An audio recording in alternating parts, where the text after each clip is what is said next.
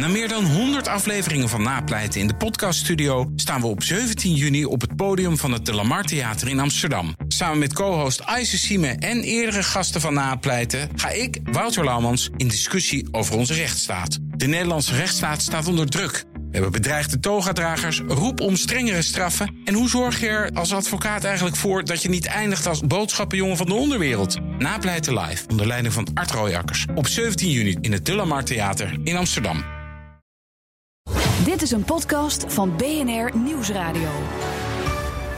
Welkom bij de Technologen nummer 29. En we gaan het hebben over gaming. En dat is natuurlijk altijd een heel mooi onderwerp. Als gast Boris van de Ven van Game Kings. En natuurlijk Herbert Bankstein. Herbert, ook Ja. welkom.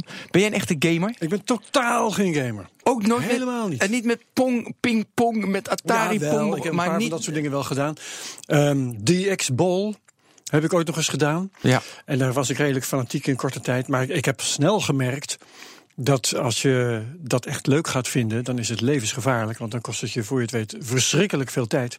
En dat is iets waar ik altijd vrij zuinig op ben eh, geweest. dat dus is ik eh, loop eigenlijk al eh, een halve carrière lang loop ik met een grote boog om de games heen. Wauw. ja. Eh, Boris, hoeveel uur game jij per dag? Ehm, nou, dat valt wel mee. Ik probeer wel veel te gamen. Ik probeer alles te spelen wat uitkomt. In ieder geval alles wat ik interessant vind. Eh, maar ik denk, als ik een uurtje of twee op een dag game, is dat veel. Nog iedere dag. En is dat beroepsmatig of heb je nog echt op zaterdagochtend om 7 uur, dat is namelijk mijn tijd dat ik altijd gamede, eh, dat je, want dan was het huis leeg, eh, je ga je, naar, ga je naar beneden en dan kan je even ongestoord. Ja, ja, ja, ja. En ehm, maar is het, eh, is het werk of is het ook echt van je gaat nu echt Even lekker gamen. lekker gamen? Nou, het is, het is meer dan is werk, werk. hoor. Ik- Het is veel meer dan Oh. werk. Nee, het is meer. Het is, voor mij is het. Er zijn twee redenen waarom mensen gamen. Oh, de- twee grote belangrijke redenen. De ene is eh, eh, competitie. Dus mensen vinden het leuk om tegen elkaar te kijken wie er het beste is. En, eh, en de andere reden, en ik val heel erg in die kast- categorie, en dat is escapisme. Dus mensen die willen ontsnappen uit de werkelijkheid. Oh, eh, eigenlijk de wereld niet zo leuk vinden. En een andere wereld ontdekken die veel leuker is. En ja, ik ben gefascineerd door de werelden die gemaakt worden door eh, gameontwerpers. En ik vind het heel erg leuk om daarin te ontsnappen. Ja, je doet me nu gelijk denken aan een van mijn, in mijn top 10 boeken staat het boek van Jane McConnell uit, uit 2011, eh, Reality is Broken. En daar leggen ze uit van waarom mensen gamen. Want je, want je zegt van eh, weet je, es- eh, dat je iets anders wil, maar dat kan je ook met Netflix doen. En competitie, dat is inderdaad bij veel entertainment, moet je echt gaan sporten. Ja. Maar zij had ook hele mooie dingen. Ik zal een paar noemen uit mijn hoofd.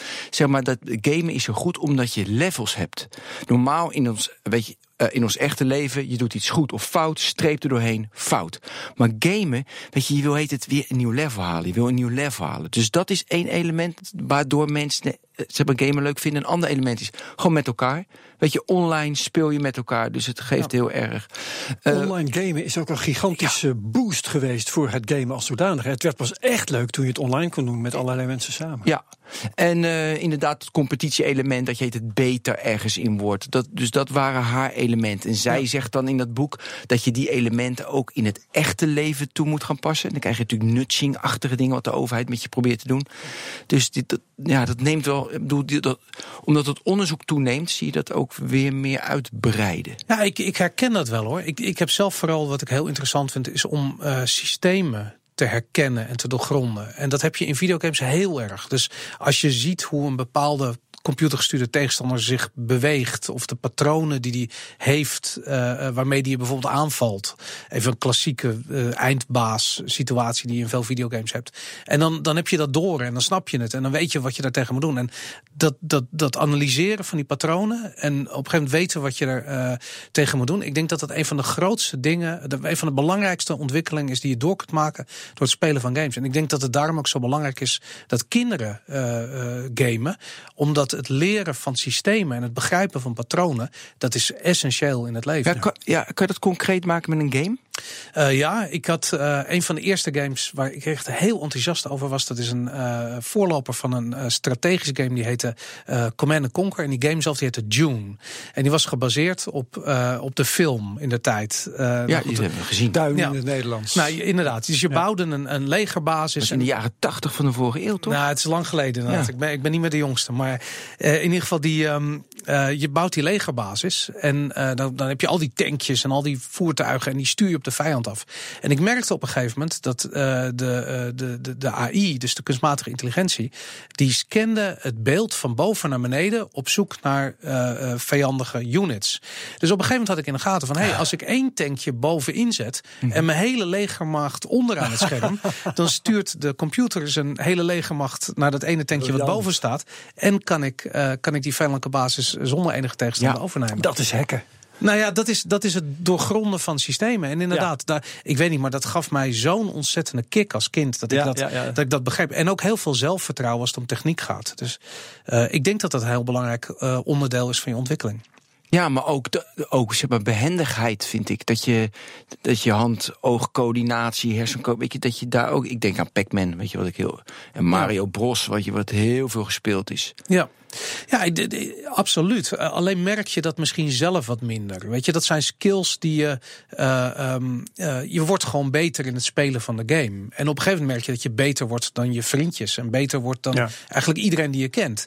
En dan, dan is het bijzonder. Maar ja, dan moet je eerst wel heel erg goed worden. En ik dat, ga wel even een relativerende opmerking maken over dat van eh oog-handcoördinatie. Oh. Dat wordt altijd. Ja, maar dan word je altijd beter in de, in de game zelf, maar niet in, de, in het dagelijks leven. Dat bedoel je. Nou, ja, inderdaad. Die is En al- ik zeg altijd, als je kinderen iets wil leren over oog-handcoördinatie, dan moet je ze laten spelen met een bal. Ja. En met een potlood en papier.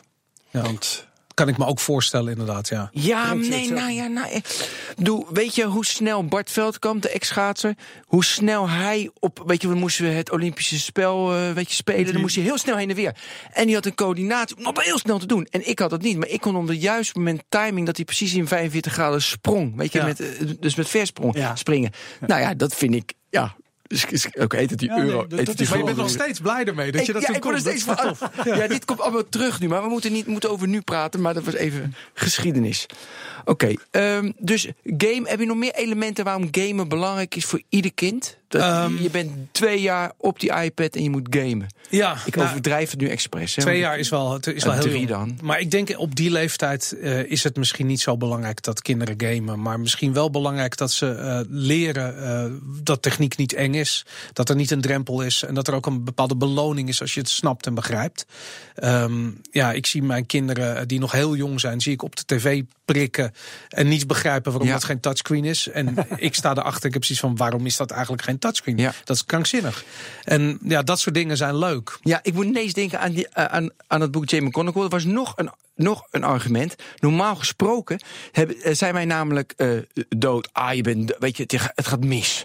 Maar bij in de games is het van, joh, je hebt nog een kans. Ja. Dus dat je moet leren van fout. Weet je, game over maakt niet uit, want je kan weer. Dus het, is, je, het gaat constant door. En wij denken het is goed of fout, in or out. Maar dat vind ik ook een aardig element. Dat kinderen ook wel mooi, Nou, mooi eh, ja, als ze dat leren. Ik vind het zelf te voorwaardelijk namelijk. Want, want namelijk als jij doodgaat, dat is echt een boodschap van jij hebt het niet goed gedaan. Ja. Terwijl ik heb precies, wat heb je nou eigenlijk niet goed gedaan? Hebt is niet- maximaal geleerd, dat is dat cliché, maar is belangrijk. Daarom, ja, nee, maar het is hele ouderwetse game design. En eh, je ziet eigenlijk dat, en vooral Nintendo is daar heel goed in. Die hebben bijvoorbeeld een, een hele gameserie gemaakt rondom een personage dat heet Kirby. Waarin je niet doodgaat als speler. En eh, als, je het, als je de game ziet, dan lijkt het op alle andere Nintendo games. Maar het is voor kinderen in de manier waarop voorwaardelijkheid achterwege wordt gelaten. Want wat is nou doodgaan voor een kind van eh, eh, 4, 5, 6? Ik bedoel, dat is een, abstract idee wat niets met het plezier van gamen te maken heeft. En nu pas zie je dat gameontwikkelaars daar op een wat intelligentere manier naar kijken. Ja. Dat er een begin en einde is. En in games zie je nu steeds meer zo. Er is nooit een begin of een eind. Ja. Ja, en waarom zou het er zijn als het er is? En, en hoe ziet beloning er daadwerkelijk uit? Weet je, Ik bedoel, wat, wat is een punt? Weet je, waarom zou je in godsnaam punten winnen als je het Ja. goed doet? Wat, wat, wat is dat voor Ja. een abstracte Of een rekeneenheid? miljoen punten. Dus- Daarom, het is niks. Het is allemaal niks. Zet het weer 3-0 achter. Een miljard. Ja.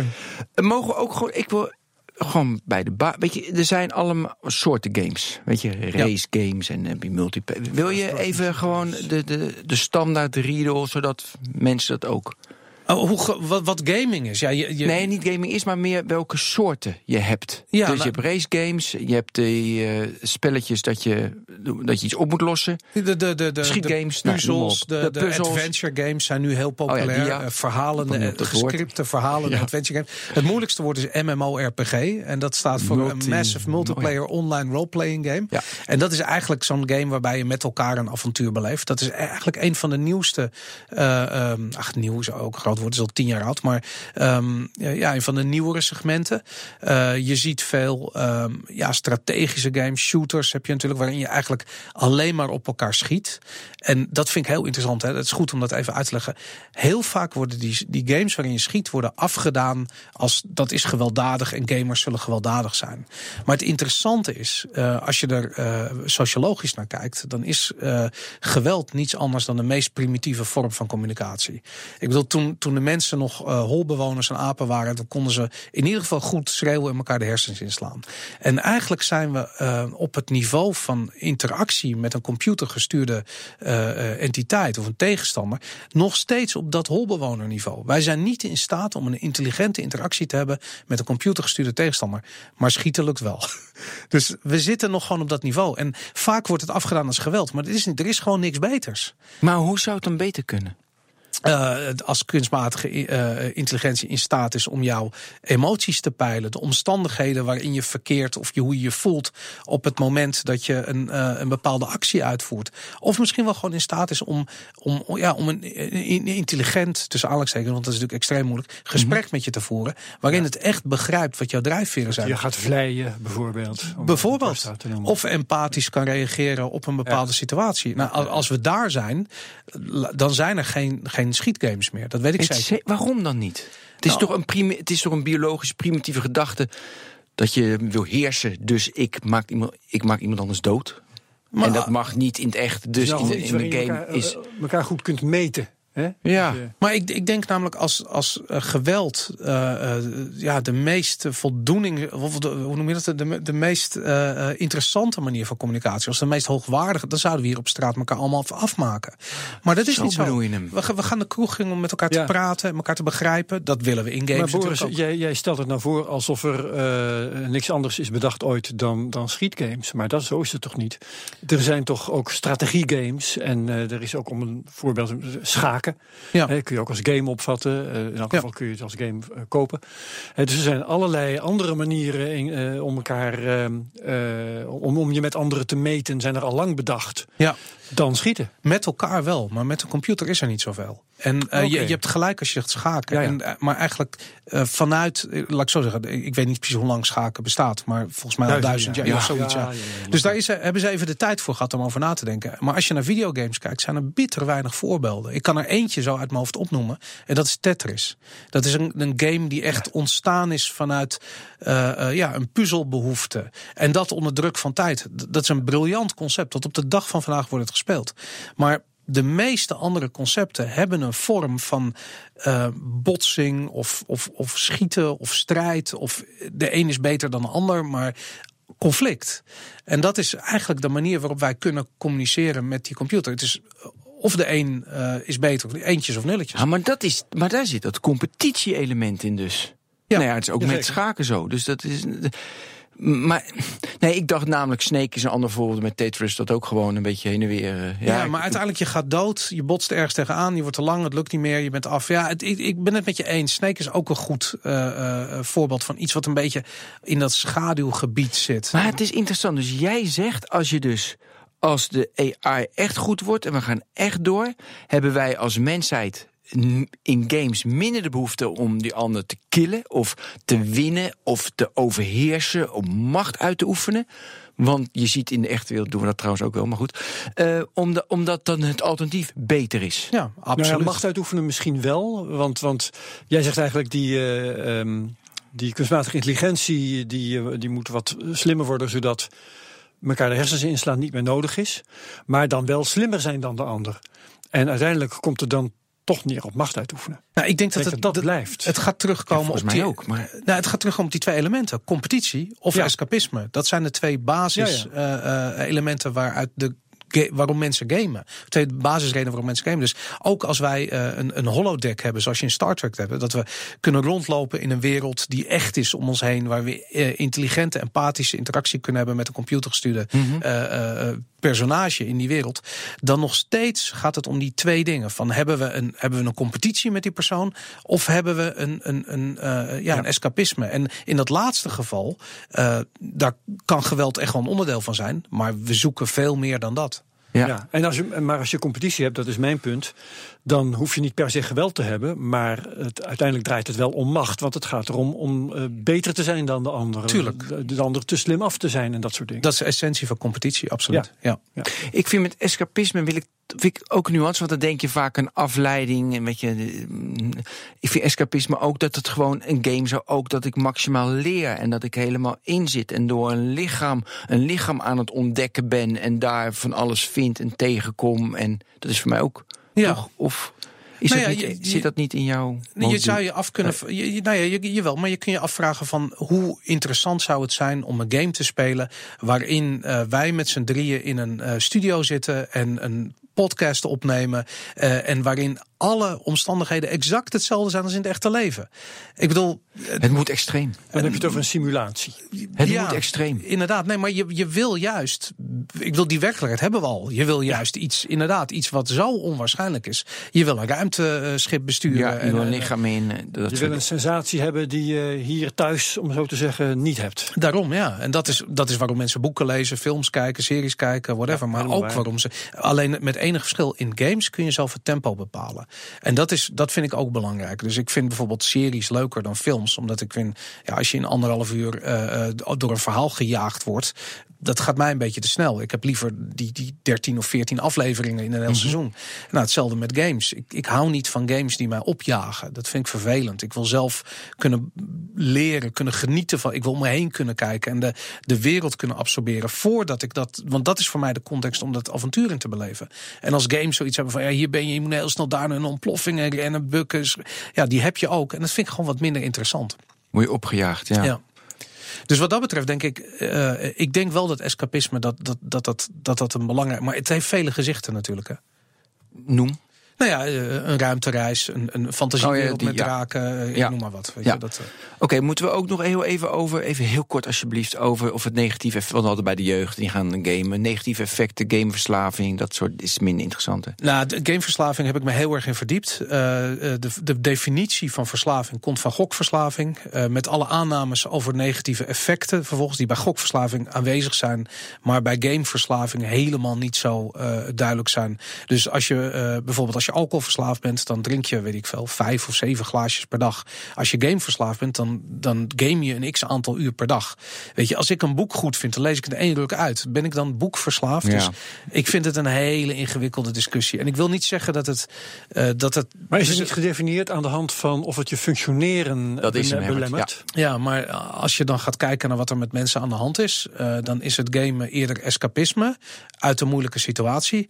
Eh, ehm, eh, en heeft evenveel goede eh, eh, en stress wegnemende factoren eh, dan dat het negatieve effecten oplevert voor. Ja. dus een jongen gaat de hele nacht doorgamen omdat zijn leven buiten het gamen niet goed genoeg is. omdat Dus school, sociale omstandigheden, school niet goed, school. ja, dat soort dingen. School is vreselijk, ga je gamen. En dan zeggen ze van ja, maak ze school niet af omdat hij gamet. Ja. Oké, Kunnen we al naar de E3? Ja, lijkt me wel. Ja, E3. Ja. Je was vorige week in eh, LA. Yes. Voor het nieuwste van het nieuwste. Voor Ja. het nieuwste. Ja, dat is, eh, E3 is eh, de grootste videogamebeurs eh, ter wereld. Eh, en het is eigenlijk de thuisbasis, eigenlijk het moment waarop de industrie laat zien waar we staan. En, eh, Meteen even op ingaan. Groot, de grootste, zeg jij. Hoe Ja. groot? Bezoekers, geld dat erin omgaat, aantal bedrijven. Ehm, voornamelijk geld dat erin omgaat. Eh, qua bezoekers valt het mee omdat het toch primair een industrie-evenement is. Waarin eh, niet iedereen eh, eh, welkom is. Het is niet openbaar. Dat was dit jaar overigens voor het eerst wel het geval dat ze een beperkt aantal kaarten verkocht hebben. Ehm, maar het is voornamelijk groot in de zin van dat daar echt spektakel. Het is het, het Cannes Filmfestival, maar dan voor videogames als het ware. Dus wat er dit jaar gaat uitkomen en, en eerste helft volgend jaar, dat, dat zie je op de E3. En dan heb ik het met name over de grote uitgevers. Dus de, de Sony's, de Nintendo's, de Microsofts, de Activision's, EA's, dat soort uitgevers. Ze hebben daar persconferenties naar. Daar kijken 40 30 miljoen uh, mensen wereldwijd naar uh, via Twitch of via YouTube. Um, dat soort, ja, dat, dat is eigenlijk wat de E3 maakt. Mm -hmm. Wat viel je op? Um, er vielen een aantal dingen op. Um, uh, er is een, nou, natuurlijk al een, al een hele tijd een strijd tussen Sony en Microsoft uh, gaande. Tussen Sony heeft de PlayStation 4, uh, Microsoft heeft de Xbox One. die twee consoles zijn tegenover elkaar ge gelanceerd. Vorig jaar op de E3 liet Sony de PlayStation Pro zien, de PlayStation 4 Pro. dat was eigenlijk een geüpgrade versie van de PlayStation 4. Uh, Microsoft had daar een antwoord op, dat heette de Xbox One S, de Xbox One Slim. En daarin hadden ze ja, eigenlijk het bestaande apparaat iets efficiënter gemaakt. Uh, bepaalde uh, 4K upscaling voor videocontent, dat soort dingen. Het was wat sneller, de specs waren wat beter. En dit jaar zou Microsoft dus komen met een, met een nieuwe console. Die, bekend... Even de tijd stilzetten. Ja. Uh, voordat je verder vertelt. Want um, ik weet, uh, ik heb al heel wat van die generaties meegemaakt. Hè? Mm -hmm. En bij elke nieuwe generatie is het weer de, de, de vraag wie ligt ervoor? Ja. En wie lanceert het eerste? Een bepaalde generatie. Maar ook als je dan een jaartje verder bent, hè, wie heeft de meeste games verkocht enzovoort. Ja. Wat was de stand van zaken voor deze E3? Voor de E3 was Sony absoluut heer weg, en meest verre weg. Je hebt drie belangrijke uh, game territories eigenlijk, game markten. Uh, Japan, daarin is Microsoft nagenoeg niet aanwezig en is Sony heel erg groot. Uh, Eigenlijk in, altijd zo geweest. Altijd, altijd zo geweest, ja. ja, ja. In Europa um, was Sony iets groter dan Microsoft, maar kon Microsoft goed meekomen. Nou, inmiddels is, dat, is Microsoft weggevaagd van de Europese markt. Um, en Amerika, daar was Microsoft altijd by far de grootste. En ook daar heeft Sony um, ja, nu het voortouw genomen en is iets groter dan Microsoft. Hebben ze volgens mij 60% van de markt. Ja. Dus Microsoft heeft um, met die Xbox One uh, echt alles verkeerd gedaan wat ze maar hadden kunnen verkeerd doen. En dat komt omdat ze het, uh, ze hebben dat hele ding verkeerd in de markt gezet. Sony heeft gezegd, um, uh, toen de PlayStation 4 uitkwam, hebben zij gezegd, uh, en eigenlijk iedereen zei op dat ogenblik, consoles zijn dood. We gaan naar cloud gaming. Ja, daarom, ik vind, ik vind je, want je benadert het zo vanuit de consoles. Maar goed, ja. ik, dat nou ja, straks vragen. Dat, dat was dus aan de hand. Iedereen had zoiets van telefoons, daar, daarop wordt gegamed, tablets waren, dat was booming. En wat bleek, gamers wilden gewoon consoles hebben. En de Sony hardcore gamers. De hardcore gamers inderdaad. Sony begreep dat, begreep die uh, behoefte en heeft een console gemaakt die echt precies op de hardcore gamer gericht was. Hebben ze heel goed gedaan. Dat is heel fijn, maar um, als, het, als je je omzet kunt vergroten door je ook te richten op de niet-hardcore gamers, dan moet je wel naar die tablets en die smartphones enzovoorts. Ja. Maar die markt is niet groot genoeg of zo? Die, die markt is er niet. En dat is het interessante. Ah, dus hij er is zijn er... alleen maar hardcore gamers. Eigenlijk wel, want zelfs mensen die je niet zou uh, vangen onder die definitie hardcore gamer, vinden zichzelf een hardcore gamer. Dus als je ze gaat aanspreken uh, op een manier uh, die niet resoneert bij hardcore gamers, verlies je ook gelijk die mainstream gamer. Juist.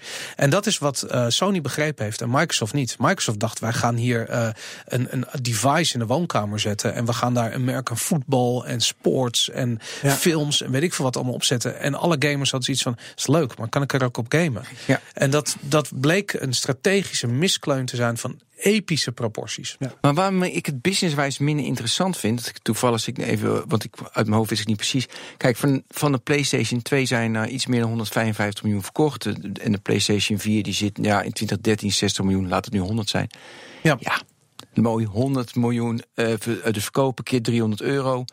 En dat is dat je markt. Dus het, de, eigenlijk is die hardware wegzetten, is dat echt in is dat interessant. Volgens mij zijn de games en, de, en alles wat mensen kopen in die games. Weet je, is dat waar het echte geld zit? Of Absoluut. moet ik nog steeds redeneren vanuit Sony nee, nee, nee, of Microsoft? Er wordt, nauwelijks winst gemaakt op de verkoop van die hardware. Die hard, dat hardware is niks anders dan een device waarop Daarom, je die ja. game speelt. Ja. Alleen wat je ziet uh, gebeuren met deze uh, generatie is dat uh, hardwarefabrikanten ook hun eigen digitale distributieplatformen meeleveren met die consoles. En dus niet meer uh, winkelketens nodig hebben, maar dus gigantisch. Je downloadt het, ja. Daarom je downloadt het. En ze vragen, dus ze, ze hoeven die, die 20%, 30% marge die ze normaal aan de retail kwijt zijn, zijn ze niet meer kwijt. Dat betekent dat het een hele winstgevende markt is.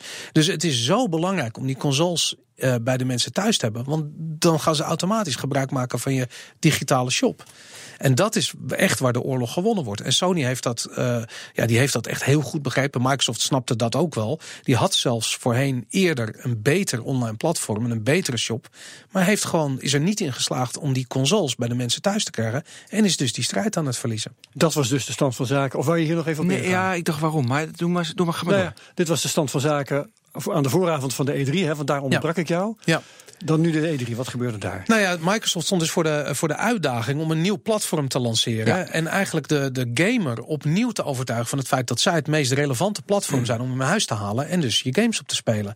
Ze hadden een project aangekondigd vorig jaar, dat heette Project Scorpio. Dat zou een nieuwe uh, Xbox zijn, een nieuw, uh, echt een nieuwe generatie hardware. Volledig 4K, um, krankzinnige specs. Het lijkt echt op een monster PC als je het zou moeten kopen uh, als PC in PC-vorm. Ja, goed, door Microsoft zwaar gesubsidieerd, uh, betaalbaar uh, moest dat ding zijn. Nou goed, dus dat, daar gingen we naartoe. We, we, we zaten bij die persconferentie s ochtends en we zien de naam die Microsoft gekozen heeft en dat is de Xbox One X. En daarmee hebben ze dus ervoor gekozen om die Xbox One X, dat nieuwe generatie apparaat, om dat uit te brengen als onderdeel van de bestaande generatie, namelijk de Xbox One. Dus in plaats van dat ze zeggen van dit, dit wordt de Xbox 2 of, of weet ik van misschien wel gewoon Xbox Scorpio of hoe het ook had kunnen heten, hebben ze gewoon gekozen om, om dat ding uit te brengen als onderdeel van die Xbox One. Van dat gefaalde platform eigenlijk. En wat je. Maar onderdeel, wat bedoel je met een onderdeel van? Nou ja, uh, dat, dat, zegt die naam. Ja. Xbox One, Xbox ja, maar het is toch een ander, Xbox Nee, maar het is toch een ander, het is toch een andere console. Maar dat snapt ja, niemand. hij krijgt er een lettertje bij. Ja, ja maar net, net alsof je er een schroefje aan verandert. Nee, dit is de iPhone 7S. Dat is gewoon wat het verschil tussen een iPhone 7 en een iPhone 7S. Ja, maar kijk, die ik had verwacht dat de hardcore gamer daar dwars doorheen kijkt en naar die specs kijkt en denkt van dat wil ik hebben. Ja, nou, maar dan moet er eerst weer een fancy naam aan worden gegeven en dan is ook de hardcore gamer overtuigd. Het is toch een hele marketinggevoelige branche. Ja, absoluut. Toch? Nou, kijk, die hardcore gamer. Dat is toch gek? Nou, je, je, je doet de aanname, je doet dezelfde aanname die Microsoft gedaan, namelijk dat er zoiets bestaat als een hardcore gamer. Oh, die is het dan nou ja, niet. Die, is, die, die doelgroep is heel erg. Uh, uh, ja, 150 miljoen. ja, maar ook heel verschillend. Dus het zijn ook mensen die zoiets hebben van: ik wil het nieuwste van het nieuwste in huis houden. Ik weet niet wat het is en wat ik op kan doen, maar ik moet het hebben, want zo, het is nieuw. Zo, zoals Apple fanboys. Bijvoorbeeld, maar ook zoals bijvoorbeeld PlayStation zijn PlayStation 4 aan de man heeft gebracht. Maar stel je nou eens voor, dan gaat er iemand die uh, niet precies weet wat de specs van het nieuwe ding, namelijk 6 teraflops. Ik bedoel, ik weet niet of jullie weten wat 6 wat de impact is van 6 teraflops. Dat is echt niet normaal. Niet nee, 6 teraflops, je, jongens. Je hebt nog nooit zoiets gezien. 6 teraflops. Je hebt nog nooit zoveel teraflops gezien. en, uh, maar goed, alle teraflop grappen die, die hebben we ook afgelopen week voorbij horen komen. Uh, maar, maar anyways, die, dan staat er dus iemand bij, bij een grote uh, winkel en, en die staat zich af te vragen van ja, ik heb daar de Xbox One S en die kost, weet ik het, 250 euro. En dan heb je de Xbox One X en die kost 499 euro. En dan heb je nog een PlayStation 4 Pro die kost 299 euro. En die gaat dan naar zo'n winkelbediener toe en die vraagt van uh, welke van die consoles moet ik precies hebben. En die gaat dan een verhaal afsteken van teraflops en uh, hoeveel. Ja, oude technologie van. Ja, ja. Het, is het is niet te verkopen. Die nee. 200 euro moet een gezicht krijgen. En dat is er niet. Want dat is namelijk een ander ding. Die games die uit gaan komen voor die Xbox One X gaan ook gewoon draaien. Het zij in wat visueel minder spectaculaire eh, vorm. Op die Xbox One S. Dus die, die, die gebruiker die is volledig uh, ja. in het, in het aan tasten waarom je dat ding moet hebben. En jij zegt je moet juist games uitbrengen die alleen maar het doen op dat nieuwe ding. Ja, want dan heb je een argument om te zeggen van ja, maar die console moet je hebben, want dan kun je die game ja. erop spelen en anders ja. niet. Nou, dat, dat argument is nu weg. Maar beter verdomd goede games zijn ook. Daar, dat sowieso. Dat is nog een ander verhaal waar Microsoft het een en ander he, uh, beter had kunnen doen, laat ik het zo zeggen. Uh -huh. uh, Daar moeten we het ook over hebben. Maar mag ik heel even één, één klein stapje terug? Ja. Kijk, we hebben het over consoles, hè? dat is de basis. Maar wat is nu de groei van de, hoeveel daily active users op consoles zijn er wereldwijd op dit moment? Wat, wat schat je, want dat weet je natuurlijk niet precies. Ik heb geen idee. Nou, ik, denk, ik, ik, denk 200 miljoen, niet eens. Ik denk, meer, ik denk wel richting de 400 miljoen. Als je alles bij elkaar optelt, alle Nintendo's, Playstations, Xbox bij elkaar. Denk je dat? Goed, okay, het, maar dan gaat het erom, want jij zei er net, oké, okay, ik, ik, geef je de 400 miljoen, ik vind het prima.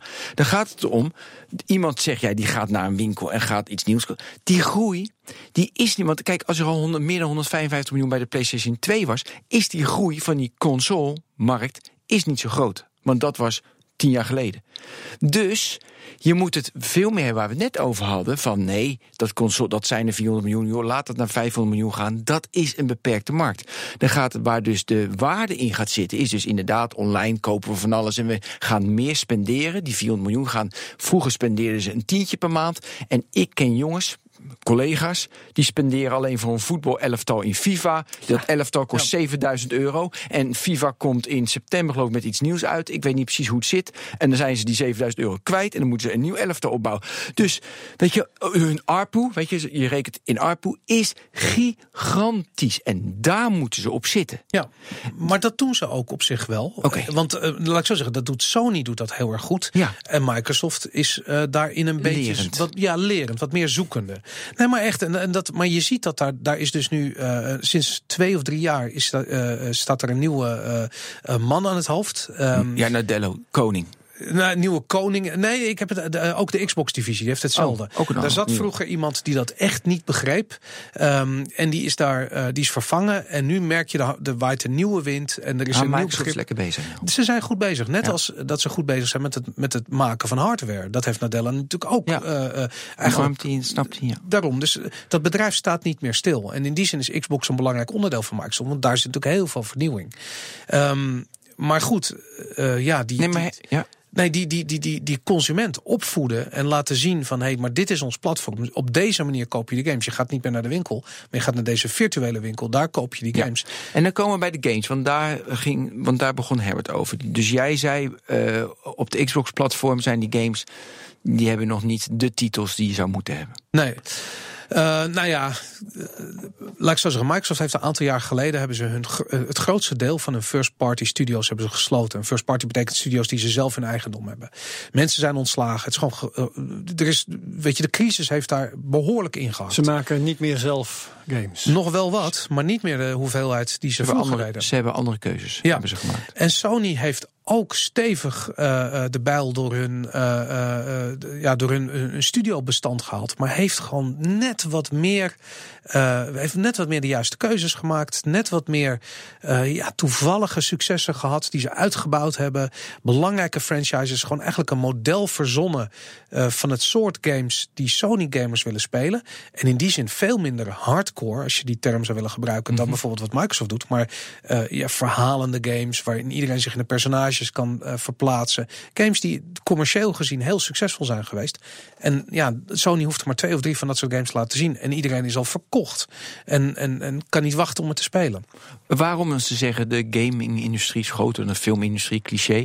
Waarom heb je niet een soort zeg maar Disney of is dat Electronic Arts dan? Maar die maken ook niet zelf, want die licenseren toch heel veel. Of, eh, Ja, of nou, maken die zelf ook echt games? Nee, die maken zelf ook games. Maar, maar eh, ik ben het met je eens. Kijk, Disney heeft entertainment. En eigenlijk voornamelijk de beleving rondom personages. waar ze het intellectueel eigendom over hebben. Ja?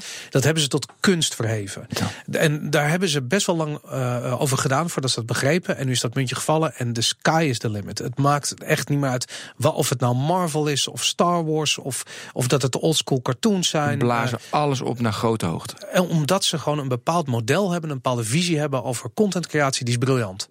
En het interessante is dat die, die gaming-industrie toch op een bepaalde manier altijd nog gedomineerd wordt door ja, mensen die vroeger ooit, toen ze een jaartje of 18, 19 waren, het programmeurs.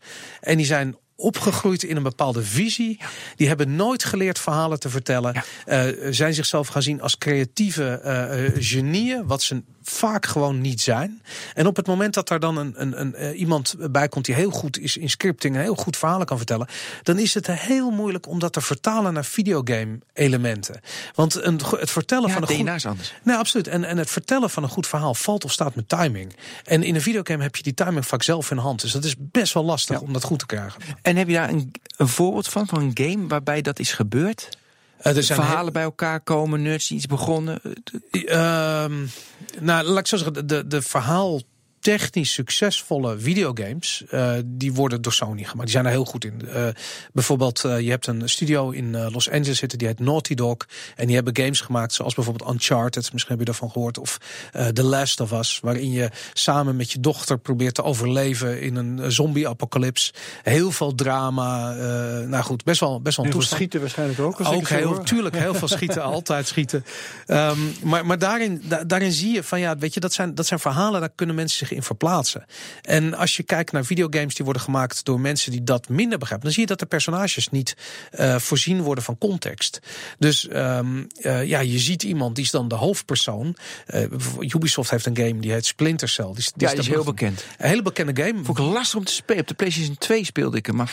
Ja, maar het berucht om het feit dat de hoofdpersonage heeft een, is een soort special forces figuur. Ja. Die heeft dan een masker op, een soort night vision masker. Je ziet zijn gezicht niet. Je weet bitter weinig van zijn achtergrond. Oh, daar vond ik er niks aan. Eh, maar, nee, maar serieus. Dat, dat, maar dat, Dit is de verklaring nou. Absoluut. Nee, want je, hebt heel veel, je moet heel veel moeite doen om je te verplaatsen in dat personage. Want dat ben jij. Dat zijn die, die weet ik het, die twintig uur die je met die game doorbrengt. Ja, die, moet wel in de hand worden genomen van het verhaal. Maar het verhaal is er niet. Dat is best wel lastig.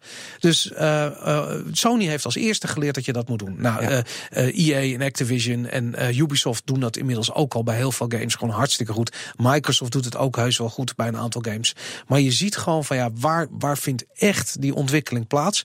Dan zie je dat dat uh, vaak studio's zijn uh, in Los Angeles. Daar zit gewoon een, uh, een enorme creatieve verhaal vertellende doelgroep. En dat zijn independent studio's.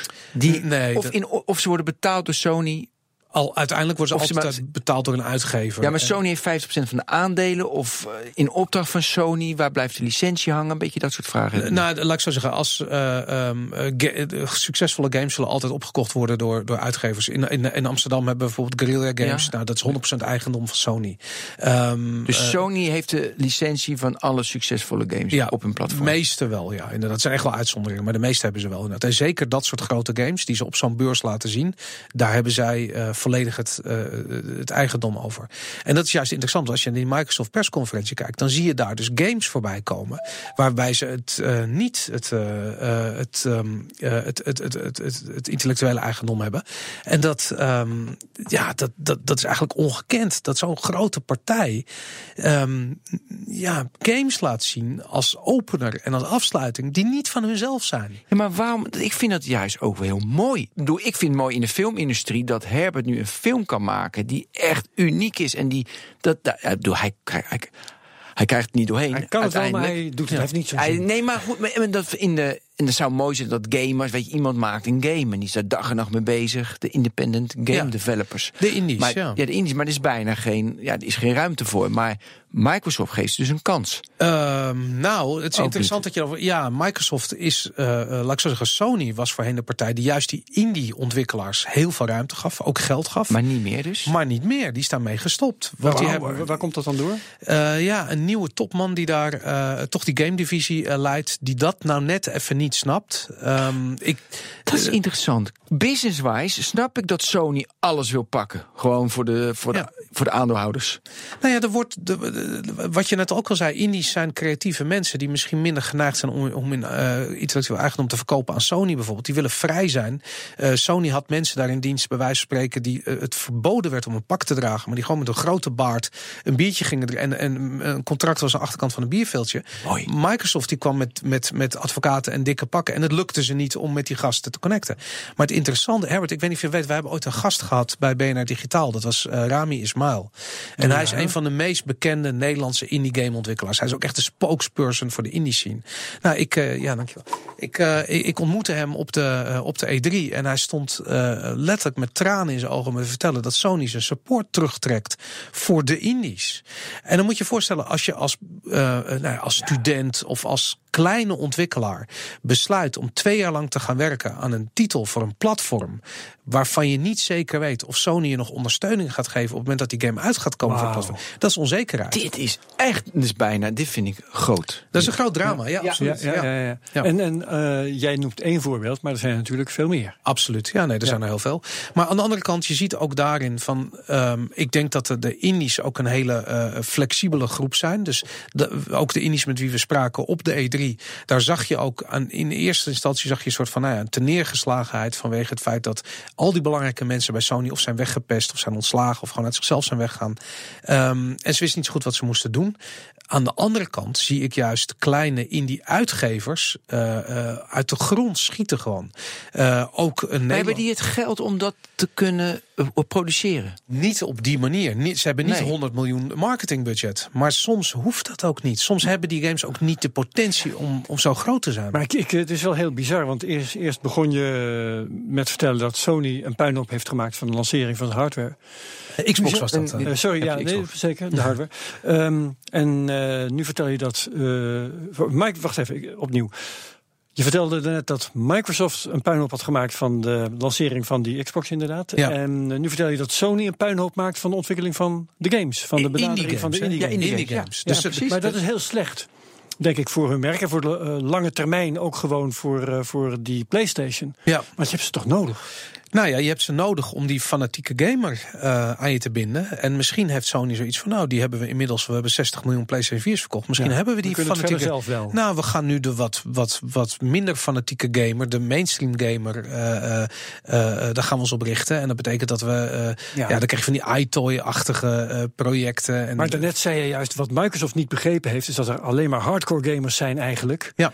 daardoor hebben ze het mis ja. met die Xbox One X. Ja, en die maar fout gaat Sony nu Sony ook maken. het uiteindelijk ook. Ja, en dat heeft Sony al eerder gedaan. Namelijk met de PlayStation 3 ook in het laatste fase van het levensjaar van zo'n console. Gaan ze dus heel erg die mainstream opzoeken. Ja. Uh, met als gevolg dat gamers weer overtuigd moeten worden op het moment dat er een nieuwe generatie en hardware wie komt. is straks de derde die er lachend met de buit vandoor gaat? Is dat Nintendo bijvoorbeeld? Nou, Nintendo gaat het zeker goed doen. Maar ik denk dat de lachende derde gaat Steam zijn. En Steam is eigenlijk uh, oh. het digitale distributieplatform voor PC-games.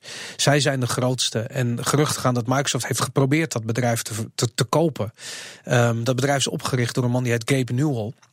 En die komt, is een van de eerste Microsoft-miljonairs. En die is dat, gaan, gaan, is dat begonnen, dat platform.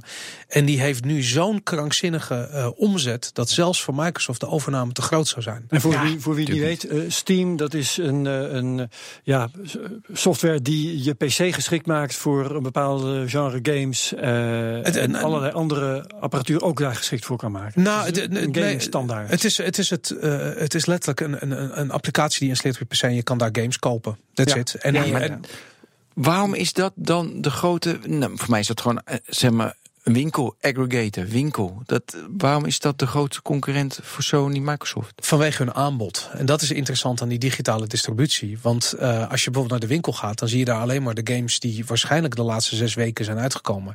En de rest kun je misschien nog wel uh, in fysieke vorm op een, op een schijfje bestellen. online ja, bestellen, zoiets. En zij hebben alles gewoon in de hele. Vanuit de tijd dat uh, wij bij wijze van spreken twintigers waren. Ja. En op, ze hebben ze ook nog steeds. Dat hebben ze ook nog steeds. Maar, en maar, dat, ja, dat is heel waardevol. Oké, okay, dus en ook. Maar in, in aggregation zit nooit echt waarde. Er zit, er, zit, er zit waarde als je het IP hebt, als je een IP. En er zit waarde als je de distributie, als je de eindklant, als die betaalt aan je. Daar zit waarde. Maar aggregation zit in de technologie, ja, misschien tijdelijk even. Maar zij doen alles. Zij verkopen. Dus zij verkopen dus. Oké, okay, ze hebben ook de eindklant. Ja, ja precies. daarom. Dus dat, ze zijn de Amazon van de digitale producten. Ja. ja. En ze hebben dus de long tail, zo te horen. Ja, ja, ja absoluut. Ja. Ik snap, maar, maar, bijvoorbeeld, ik ga FIFA 17 spelen. Dat, dat download ik gewoon als ik mijn PlayStation 4 koop. En dat download ik dan, dan heb ik toch niks met Steam te maken. Nee, dat klopt. Maar dat is nou, dat, dat is nou echt een uitzondering. Want dat is een game die je vooral koopt omdat je vrienden het spelen. Uh, en dus koop je het op het platform waarop je vrienden het spelen. Dus bij definitie het grootste platform. Dat is nu nog PlayStation. Dus de kans dat je FIFA op de PlayStation speelt is gewoon heel erg groot. Oké. Okay. Dus dat sociale aspect bij aankoop van games is, is uh, dat is wat Microsoft echt uh, het, het leven zuur maakt. Want ze moeten niet alleen die Xbox verkopen, ze moeten ook het platform verkopen. Niet alleen aan jou, maar aan al je vrienden in één keer. Want anders gaat niemand eraan bij beginnen. Steam hoeft dat niet. Nee, want de meeste mensen hebben wel een PC thuis. Ja. En misschien kun je niet, uh, heb je een oude PC en kun je niet uh, de nieuwste games spelen. Maar er zijn altijd games die het goed doen. Ik zie jou op een, op een, op een nieuwe MacBook uh, zitten. Nou, als je Steam installeert, uh, dan daar zijn ja. duizenden, zo niet tienduizenden games die fantastisch draaien op jouw MacBook Pro. Dus ongeacht dat plan, iedereen heeft wel een PC of een laptop of weet ik wat waarop, waarop je games speelt. Ja. Dus dat is een heel serieus platform als je dat op die manier benadert. Eh, hoeveel active users, eh, weet je dat? Nee, weet ik niet. Nee, weet je het zijn er wel heel veel. Hey, eh, even de rol van, eh, van de, dus de rol van Electronic Arts. Dus die kopen een licentie, eh, bijvoorbeeld van FIFA. Want Star Wars is een goed voorbeeld. Ja, Star Wars. Oké, Ja. dan kopen ze van Disney. Want voor mij heeft Disney de rechten van Star Wars. Ja. Daar maken ze een game van. Ja. Star Wars kijkt er goed naar, Disney kijkt er goed naar. En dat verkoopt. Dus dat is hun model. ja. Is dat gaan die goed? Is dat schaalbaar? Nou, Wat nou, is jouw idee erover? dat is heel Wat voor positie hebben ze in die wereld? Als je naar Electronic Arts kijkt, ehm, eh, dat is een uitgever die eigenlijk eh, ook zijn, ont- zijn, zijn de meeste ontwikkelstudio's gesloten heeft. Eh, alleen nog maar gefocust is op grote titels. Eh, FIFA is in Europa echt by far de grootste eh EA-titel. In Amerika heb je, hebben ze andere sporttitels, eh, NFL en NBA, nou goed, voornamelijk NFL. Ehm, maar wat interessant is, is dat zij eh, veel doen met externe IP's. Eh, Star Wars is een goed voorbeeld, maar inderdaad ook FIFA. Dus ze betalen voor elke verkochte game betalen ze een bepaald bedrag aan eh, FIFA of aan Disney. En dat dwingt hun om. kijk, hun omzetten zijn groot, maar hun marges zijn klein. Dus het dwingt hun om daardoor ehm, eh, eh, ja, creatief te zijn. En buiten die initiële aankoop nog van alles en nog wat aan te bieden. En daar komt dat FIFA Ultimate Team vandaan. Wat je net al zei, eh, die vriend van jou die 7000 euro heeft uitgegeven aan spelers en dan kaartjes die je dan koopt. Eh, eh, dat is die creativiteit die ontstaat vanuit die situatie. Dat je eigenlijk geen marge maakt op het product zelf, omdat je die IP moet inkopen. En dat EA heeft er in het begin heel erg mee geworsteld. Want ze hebben jaren achter elkaar verlies gemaakt. Het lukte ze niet om, om, om hun project op de rails te krijgen. Zelfs als FIFA goed verkocht, maakten ze er amper marge op. En nu zijn ze eindelijk een richting ingeslagen waarbij het werkt. En eh, ik heb hetzelfde als jou hoor. Eh, Ik bedoel, je koopt dan bij wijze van spreken nu een nieuwe Star Wars game. Die eh, direct het vervolg is van de Star Wars game die twee jaar geleden of vorig jaar uitkwam. Je koopt een nieuwe FIFA game die nagenoeg hetzelfde is als die, die game die vorig jaar uitkwam. En je hebt je, waarom moet ik hier opnieuw voor betalen? Waarom kunnen ze me niet een soort subscription Ja, verkopen? Ehm, en dat is, we staan aan de vooravond van Ga- gaming as a service. Game, ja, ja, ja, ik, zeggen, ik ja. wil het al zeggen. Ja. Gaas. Maar, maar z- zal eh, FIFA of Disney met Star Wars dan niet zeggen van... ja, jullie verzinnen nu iets extra's erop, daar wil ik ook een deel van hebben. Dan sta je toch, je zit er toch weer als als tussenpersoon Tuurlijk. altijd weer tussen. Ja, nee, maar ze hebben hun, bij elk succes wordt hun on- onderhandelingspositie slechter. Slechter, ja. Natuurlijk, ja. En daar zullen ze mee moeten worstelen. Ja, absoluut. Want eh, Disney ook. Ik, de vorige eh, Battlefront, Star Wars Battlefront heette die game. Die heeft het niet, hij heeft het goed gedaan, maar ze hebben 10 miljoen stuks van verkocht. Staat in geen verhouding tot de FIFA eh, releases, dat soort games. Maar goed, ze hebben het goed gedaan. En nu moeten ze het dus beter gaan doen uh, met Star Wars Battlefront 2 die we gezien hebben. Ja, is lastig, weet je. Ze hebben het, het, het, het trucje hebben ze al een keertje uh, getoond. Mensen kennen het al. De hype rond Star Wars is minder geworden. Ik bedoel, er zijn ontzettend veel Star Wars fans. Maar toen die film, die eerste film weer uitkwam, had iedereen zoiets van: wauw, Star Wars is opnieuw geboren. Maar nu, inmiddels, zijn we alweer, uh, als die ja. game uitkomt, zijn we alweer drie films verder ja, is super populair, daar niet van. Maar gaan mensen nog die game spelen?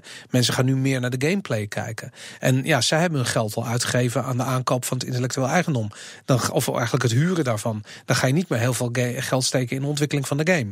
Dat is over het algemeen waarom filmgames en licentiegames wat minder in kwaliteit zijn dan. Uh, Blijft minder geld over voor het ontwikkelen ja. van de eigenlijke game. Ja, maar goed, inmiddels zijn marketingbudgetten zo uh, groot en zo op zichzelf staan. Dat, dat, dat is niet altijd meer het geval hoor. We hebben wel een paar keer hoor, hoor ik het marketingbudgetten. Terwijl ik bij games altijd, weet bij marketingbudget denk ik altijd van je hebt iets. Eigenlijk zit niemand erop te wachten, maar ik douw door je strot heen met heel veel geld. en ik vind altijd mooi als ja, je hebt iets en iedereen. Ik zeg tegen jou, Boris, dit moet je hebben, dit is echt uniek. Ja. Weet je, dus games is wel heel erg een pushmarkt geworden. En, Uh, en minder ja. Nou ja, dat is niet erg, maar ik constateer. Ja, dus, de, ik deel je mening heel erg dat op het moment uh, dat ik een reclame van iets zie, dan uh, vertalen mijn hersens dat naar, oh, dat zal wel een leugen zijn. Ja. maar dat, dat moet, je moet ja, er een beetje, jij. ja, dan moet je een beetje anarchistisch voor ingesteld zijn. Maar ja. uh, ik denk dat er ook goede producten zijn die door middel van marketing een, een, een groot publiek bereiken. En um, ja, ik, bij, in gaming bereik je toch helemaal niks zonder marketing. Eh, wat bereiken met eh nou, er zijn de hele beroemde... Ja, kijk, marketing is in feite communicatie. En je moet communiceren over je product. Anders weet niemand dat het er is. Alleen hoe je dat doet, dat, eh, bij, in in gaming zie je dat dat heel snel verandert. Dus waar je vroeger zag dat het heel traditioneel een televisiespotje was. En een, misschien een reclame hier in een blad of een krant of weet ik veel. Daar zie je nu tegenwoordig van ja, het gaat om social. Het gaat Ja. om live. Live is ontzettend belangrijk geworden. Live? Ja, live. Ja, ja, kijken. Nou, nee, eh, maar ja, live meekijken Ja. met het spelen van Live games. van games, Eh, Twitch is natuurlijk gekocht door Amazon eh, twee, drie jaar geleden. Ehm, en daarin zie je gewoon van ja, Twitch is een gigantisch belangrijke marketingtool geworden. Daarmee, eh, hè, games zijn dan toch ook hun eigen marketingkanaal tot op zekere hoogte. Ja, ja, owned media door uitgevers, die zijn dat absoluut aan het inzetten. En daar, daar, daar de traditionele media en ook de gamesmedia, die, eh, die voelen dat hard hoor. Absoluut. Mhm. Kijk op, op dit moment naar League of Legends op Twitch. 118.966 mensen. Ja. Ik blijf dat fascinerend vinden. Ja, ja omdat je, maar je, je, je- de eerste reactie die je hebt van waarom kijken mensen hiernaar? Hè? Wat, waarom zou je gaan kijken naar eh, eh, iemand die een game speelt? Ja, speel liever zelf. Nou, nee, nee, nee. Ik vind FIFA kijken, ik vind FIFA kijken leuk, interessanter, boeiender, heftiger dan echt voetbal kijken. Want Ja? FIFA gaat sneller, eh, verrassender. Ik, en echt voetbal, dat duurt allemaal zo lang. Dus ik kan, het- ik kan FIFA wel heel goed voorstellen. Ja. Maar jij ging uitleggen waarom mensen naar League of Legends kijken. Nou, omdat het, het gaat niet primair om de beelden van de game die je ziet. Dat zou kunnen op het moment dat je een, een primeur hebt. Maar League of Legends is een game die is al jaren uit. Weet je, waarom zou je daar nog naar gaan kijken? Wat er gebeurt is dat er rondom die eh, individuele Twitch-streamers, daar zitten communities. Hmm. En die ontmoeten elkaar in die stream. En wat heel belangrijk is, dat je niet alleen kijkt naar die beelden, maar Ook je kunt mee. lult. Ja, je, Ja, je lullen. chat met elkaar. Ja, dat is heel belangrijk. Ja. En daarin zie je dat die ehm, eh, op het moment dat je een game speelt, wordt er gepraat over die game in die chat. En Twitch heeft een onderzoek gedaan en die zeggen van nou, communities tot duizend eh, eh, gelijktijdige concurrent viewers, gelijktijdige kijkers, die zijn veel effectiever in, eh, eh, in hun eh, eh, eh, eigenlijk in een call to action, in hun, in hun in de activatie van, van hun community, dan bijvoorbeeld hele grote populaire Twitch streamers. Dus de, de traditionele gedachte eh, in marketing is van je moet zoveel mogelijk bereik hebben, want dan blijft er wel wat aan de strijkstok hangen. Dan zie je hier van het is leuk en aardig dat je bereik, maar het effect van bereik is veel groter bij kleine tot, tot middelgrote eh, eh, ambassadeurs eigenlijk. En dat is echt een, een openbaring als je het en hebt. wat voor impact dan? Nou, nou de, de hoeveelheid eh, verkochte games van Oh, die game die gespeeld wordt. Dus als, als, kijk, als jij daar voor het eerst een game speelt. en, je, en er zitten 10.000 mensen in die chat. en eh, je hebt zoiets van, nou, het is allemaal weg. Je bent er niet persoonlijk eh, bij betrokken. Je investeert er niet in. Maar op het moment dat jij vijf uur lang gaat zitten kijken naar iemand die een game speelt. en er zitten ja, nog 200 andere mensen in die chat. en je bent met elkaar aan het kletsen over die game. dan ga je naar huis en denk je van, nou, dat is 200 uur. Dat is sociaal kapitaal. Dat heb je geïnvesteerd. Er zijn onderzoeken naar geweest. ook hier aan de Universiteit van Amsterdam. Ja. Sociaal kapitaal. En dat vertaalt zich naar de aankoop van producten. En dat is waarom die livestreaming zo ontzettend effectief blijkt te zijn. als het gaat, eh, eh, als, als je het bekijkt als marketingkanaal. Ja, want zit in, die, in zo'n zo'n chatstream dan ook nog reclame bijvoorbeeld? Eh, ja, nou laat ik zo zeggen, dat doet Twitch zelf. Die zet er wat reclame voor. Ja. Maar eigenlijk is gewoon de hele stream reclame. Want het gaat altijd over een gameproduct. Meestal eigenlijk, bijna altijd. Ja, ja, ja. Hey, we moeten ook nog terug naar E3 vroeg of laat. Eh, Ja, oh ja. ja en, maar ik denk dat we Serious Game over gaan slaan. Dat moeten we niet doen, Herbert, volgens Doen we mij. een keer apart. Doen we apart. En ik, ik, de mobile gaming zou ik een beetje aan... Misschien. Dan hebben we het misschien Ja. tijd. E3. Nou, nou, kijk, jij begon net het E3-gedeelte met wat is je opgevallen? En toen kwam Boris met eh, Microsoft eh, Ja, zijn dat- eh, marketingstrategie, zal ik maar even netjes zeggen. Maar wat is je nog meer opgevallen? Ja, precies. Nou, wat, wat, We bleven lang hangen, ja. Wat, wat heel interessant is, de, eh, ik weet niet of je dat kennen, maar eh Ray Kurzweil is de. Tuurlijk. Tuurlijk, die kennen jullie, hè? De, De technologie-goeroe, Ja, ja. inderdaad. Al die voorspellingen. Ja, Groei bij Google, de, nou, noem maar Nou op. goed, je kan niet om hem heen als je met technologie bezig bent. En hij heeft Ja. een paar jaar geleden heeft hij gezegd: games are the harbinger of everything. Dus eh, games zijn de boodschapper van alles. En dat betekent dat, eh, wat hij eigenlijk wilde zeggen, is dat elke technologische ontwikkeling ga je als eerste toegepast zien in eh, gaming. Ja, ja. En ehm, nou goed, weet je, daar zouden we een. een ik heb het ook wel eens gehoord over porno. Maar, eh, nou, en dat is er ook zeker eentje. Maar, Ja. maar dan gaat het over videoconsumptie. Maar gaming heeft natuurlijk veel meer eh, technologische eh, aspecten in zich. grafische kaarten herinner ik me van, eh, van Ja. voorbij tijdperk. Die eh, werden versneld Het is door de de gaming. voornaamste driver van waarom mensen eh, nieuwe eh, computers kopen. Omdat ze een nieuwe game willen maar goed, whatever, laten we dat daar. maar vanuit dat perspectief was het bijvoorbeeld interessant. En daar hebben we het heel vaak over gehad over virtual reality. Dat was iets dat als eerste in gaming uh, zijn intrede deed. Uh, niet eens recentelijk, maar dat is al twintig jaar oud, namelijk ook in videogames. En ik, nou ja, ik, op zich, we hebben een aantal commerciële producten gezien het afgelopen jaar. Van Sony had de PSVR, PlayStation VR. Facebook is natuurlijk druk bezig met Oculus. HTC heeft een platform dat heet Vive. Ja. Nou, en er zijn er nog, nog een hele zo die wat kleiner Samsung. zijn. Samsung heeft inderdaad Gear VR. En nou goed, is, ik loop die beurs op en ik denk van nou, wat Nu, gaat VR? ja, wat gaat er gebeuren? Dit gaat hem worden. Niets. Een chilpende Helemaal krekel. niets? Helemaal niets. Echt helemaal niet. 0,0,0. Geen VR op de E3. En dat, uh, um, die, die, die, die oorverdovende afwezigheid van VR. Uh, nou, je, je, ik, ik kon het bijna niet geloven. En ik ben best wel sceptisch. En heb je daar de- vragen over gesteld aan de mensen op hun stands? Aan Ja, de. HTC's, aan de, de Facebooks? Nou, dat is de- interessant. De mensen die nog een belang hebben bij VR, die, die praten het goed. en die zullen zeggen van nee, er is niks aan de hand en het is groter dan Dat ooit. en dat komt allemaal nog, inderdaad.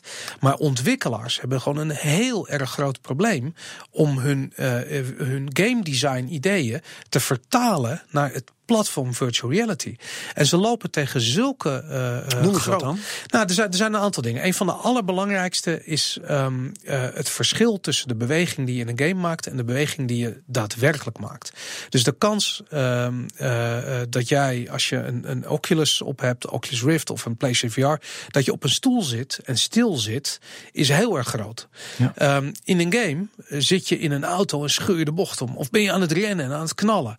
En dat verschil in, uh, in, in bewegingservaring, die hersenen ervaren een heftige beweging en je lichaam maakt die niet, ja. zorgt voor een bijna uh, uh, door, door, een gigantische kloof. Sommige mensen worden daar ontzettend. Ik Wordt ben gewoon zeeziek. Ik word zeeziek. Ik Ja. ben echt binnen Ja. een minuut ben ik kotsmisselijk als ik VR op mijn hoofd heb. Maar andere mensen hebben gewoon zoiets van ja, ik weet niet, maar ik voel het niet en het klopt niet en ik, ik weet niet. het- Weet, weet je, Er is kunnen altijd een probleem, een beetje met lag en een beetje met scherpte. Daarom, alles en nog wat krijgt de schuld, maar in wezen is het dat. Um, en ontwikkelaars kunnen dat gewoon heel moeilijk overbruggen, dat probleem. Een ander probleem is, is dat je uh, op het moment dat je die headset op hebt, uh, uh, volledig afgesloten bent van de buitenwereld.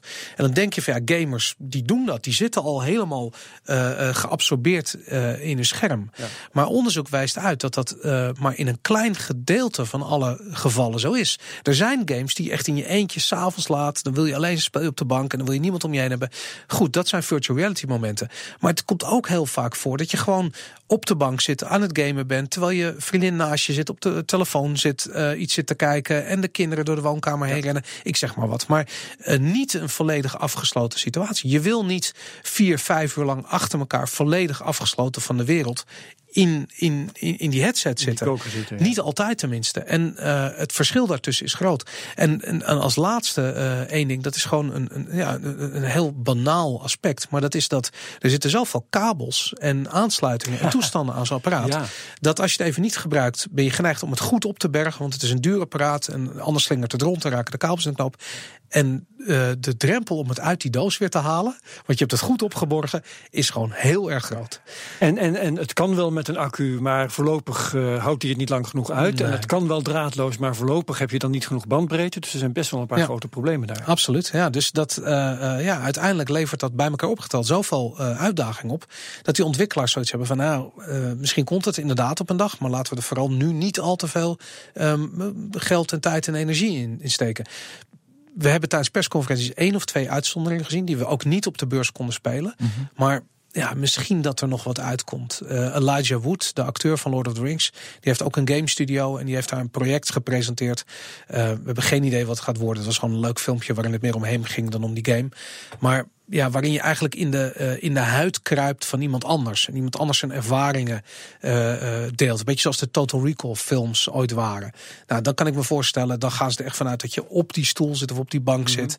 En vanuit het perspectief van iemand die inderdaad op die stoel of op die bank zit, een verhaal beleeft. Maar dat is een ja. plan en daar heb jij een trailer van gezien. Daar komt het nog een Ja, meer, meer soort van een aankondiging. Dit gaat op een dag uitkomen en het wordt tof. Ja, ja, dat was van Ubisoft. Het zou best wat kunnen worden, maar... Maar dan zien de grote bedrijven, je zegt van ja, het komt wel, maar het is ook hoeveel pauze erachter zetten. Want ik denk even aan, weet je, Michiel Mol heeft hier in Amsterdam een, uh, een, uh, een, game studio waar die virtual reality maakt, wordt betaald door Oculus Rift. En daardoor kunnen ze 70 man kunnen ze in dienst houden. Maar dus weet je, zeg Oculus Rift, dus Facebook, ik stop, ik stop er aan development nog een keer een miljard in. Ja. Of denk, nou, dit gaat toch lang duren, het is toch te lastig. En het valt dus op dat ze zich eigenlijk, ze trekken zich dus een beetje terug. Nou, het interessante is dat we letterlijk gisteren een interview hebben gedaan met Martin de Ronde, die dus die studio Grunt ja. waar je het over hebt. Ja. En uh, toen hebben we ook gevraagd van hoe zie jij dit? Ja. Want we hebben daar ook voor GameKings een item over gemaakt. En uh, hij zegt van ja, uh, um, virtual reality is juist groter dan ooit. Oculus moet namelijk nog uitkomen. Daar heeft hij een punt. Mm -hmm. um, de, de, de huidige generatie hardware, dus de, de, voornamelijk de PlayStation VR, er zijn er een miljoen van verkocht. Dus by far het grootste virtual reality platform. Die, die technische specificaties zijn zo laag. Ik bedoel, je ziet letterlijk de pixels kun je tellen. We hebben dus, hem opgehad. Nou ja, inderdaad. Je, je moet, uh, tenminste, ik, ik heb dat nooit uh, gezien als je 8K uh, video zo dicht op je oog hebt. Maar het schijnt dat het dan pas echt goed wordt. Ja. Dus ja, het zou heel goed kunnen dat zijn games pas echt tot zijn recht komen op het moment dat we daar aan komen. En tot die tijd, ja, dan wordt zijn uh, studio ja. drijvend gehouden door Facebook en, en, en, Oculus.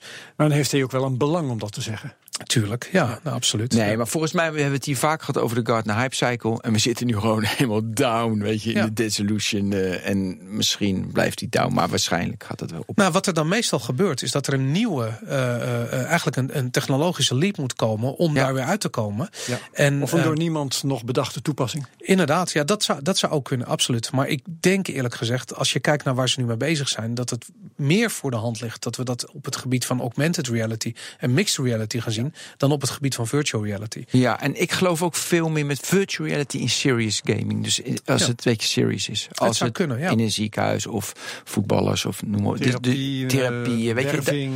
je, ja, dan is het ja. korter, weet je, dan kan je meer spelen en hoeft het niet zo gaan. Dan maken namelijk images ook minder. Hoe het eruit ziet, maakt dan minder uit, blijkt ja. uit heel veel onderzoek. Nou, dat, dat, ben ik helemaal met je eens. En het, waarom ik bijvoorbeeld zelf mixed reality zo interessant vind. Um, als je nog even terugdenkt aan het escapisme-argument. Ja. Uh, mixed je gaat hem rondmaken. Ik ja, voel het. Mixed reality vindt, vindt plaats uh, natuurlijk per definitie. Want je hebt namelijk een mix tussen de werkelijkheid zoals we daarin leven. Ja. En digitale objecten die interactie kunnen hebben met die werkelijkheid. Dus een mannetje wat achter een boom vandaan springt, wat digitaal is, in die echte werkelijkheid. Op dit ogenblik zijn uh, gameontwikkelaars het grootste deel van de tijd kwijt met het creëren van die wereld waarin die game zich afspeelt. Maar dat hoeft zo meteen niet meer. Want je loopt de straat op met een gewoon brilletje op. En je beleeft daar een Grand Theft Auto avontuur. Bij wijze van Er is een ja. aanrijding, mensen komen met auto, schietpartijen. En je hoeft nog maar een paar objecten te animeren. Ja, en hoe gaat het... rekenkracht. Absoluut, maar hoe gaat het zijn als je dat escapisme-idee kunt toepassen in de werkelijkheid? Dus niet dat we nou ja, een simulatie dan, dan leven. Heb je een, een onvoltooide escape ja, of niet. Of het is de ultieme escape. Ja, en dat zou kunnen. Ja, ik, ik bedoel, dat, dat vind ik een heel mooi experiment als we dat gaan krijgen. Absoluut. En, heb je daar al voorbeelden van? Ja, kijk, want die HoloLens kan niet meenemen, maar en die werkt niet zo lekker. Maar heb je andere voorbeelden waarbij, waar, waar, waarbij nou, je dat ziet? Dit, de, uh, je hebt een Pokémon. Ja, ja dat, dat was eigenlijk meer uh, um, augmented reality. Dat was een, een digitaal personage over ja. de werkelijkheid heen. Dat deed, had geen interactie. Ook maar heel nee. basic hoor. Ja, je hebt Magic Leap. Ik weet niet of je dat... Natuurlijk. Ja, nou ja, maar dat, dat, is alleen maar nog... Daarom, het is concept. Dat, concept. Ja. Okay. Hoe lang gaat het duren voordat we dat zien? Uh, ik bedoel, ik wou dat ik een antwoord... Ja. Ik wou dat ik het voor volgend jaar op de E3 zou zien. Maar ik denk dat het nog even duurt. Ja. Uh, laten we nu... We hebben nog heel veel te bespreken, maar dat doen we een andere keer. Ja, we vragen Boris gewoon nog een keer terug. Ja, Boris. Tof. Uh, Boris van de Ven, hartstikke bedankt. Uh, Herbert, bedankt. Jo, Tot de volgende Technoloog.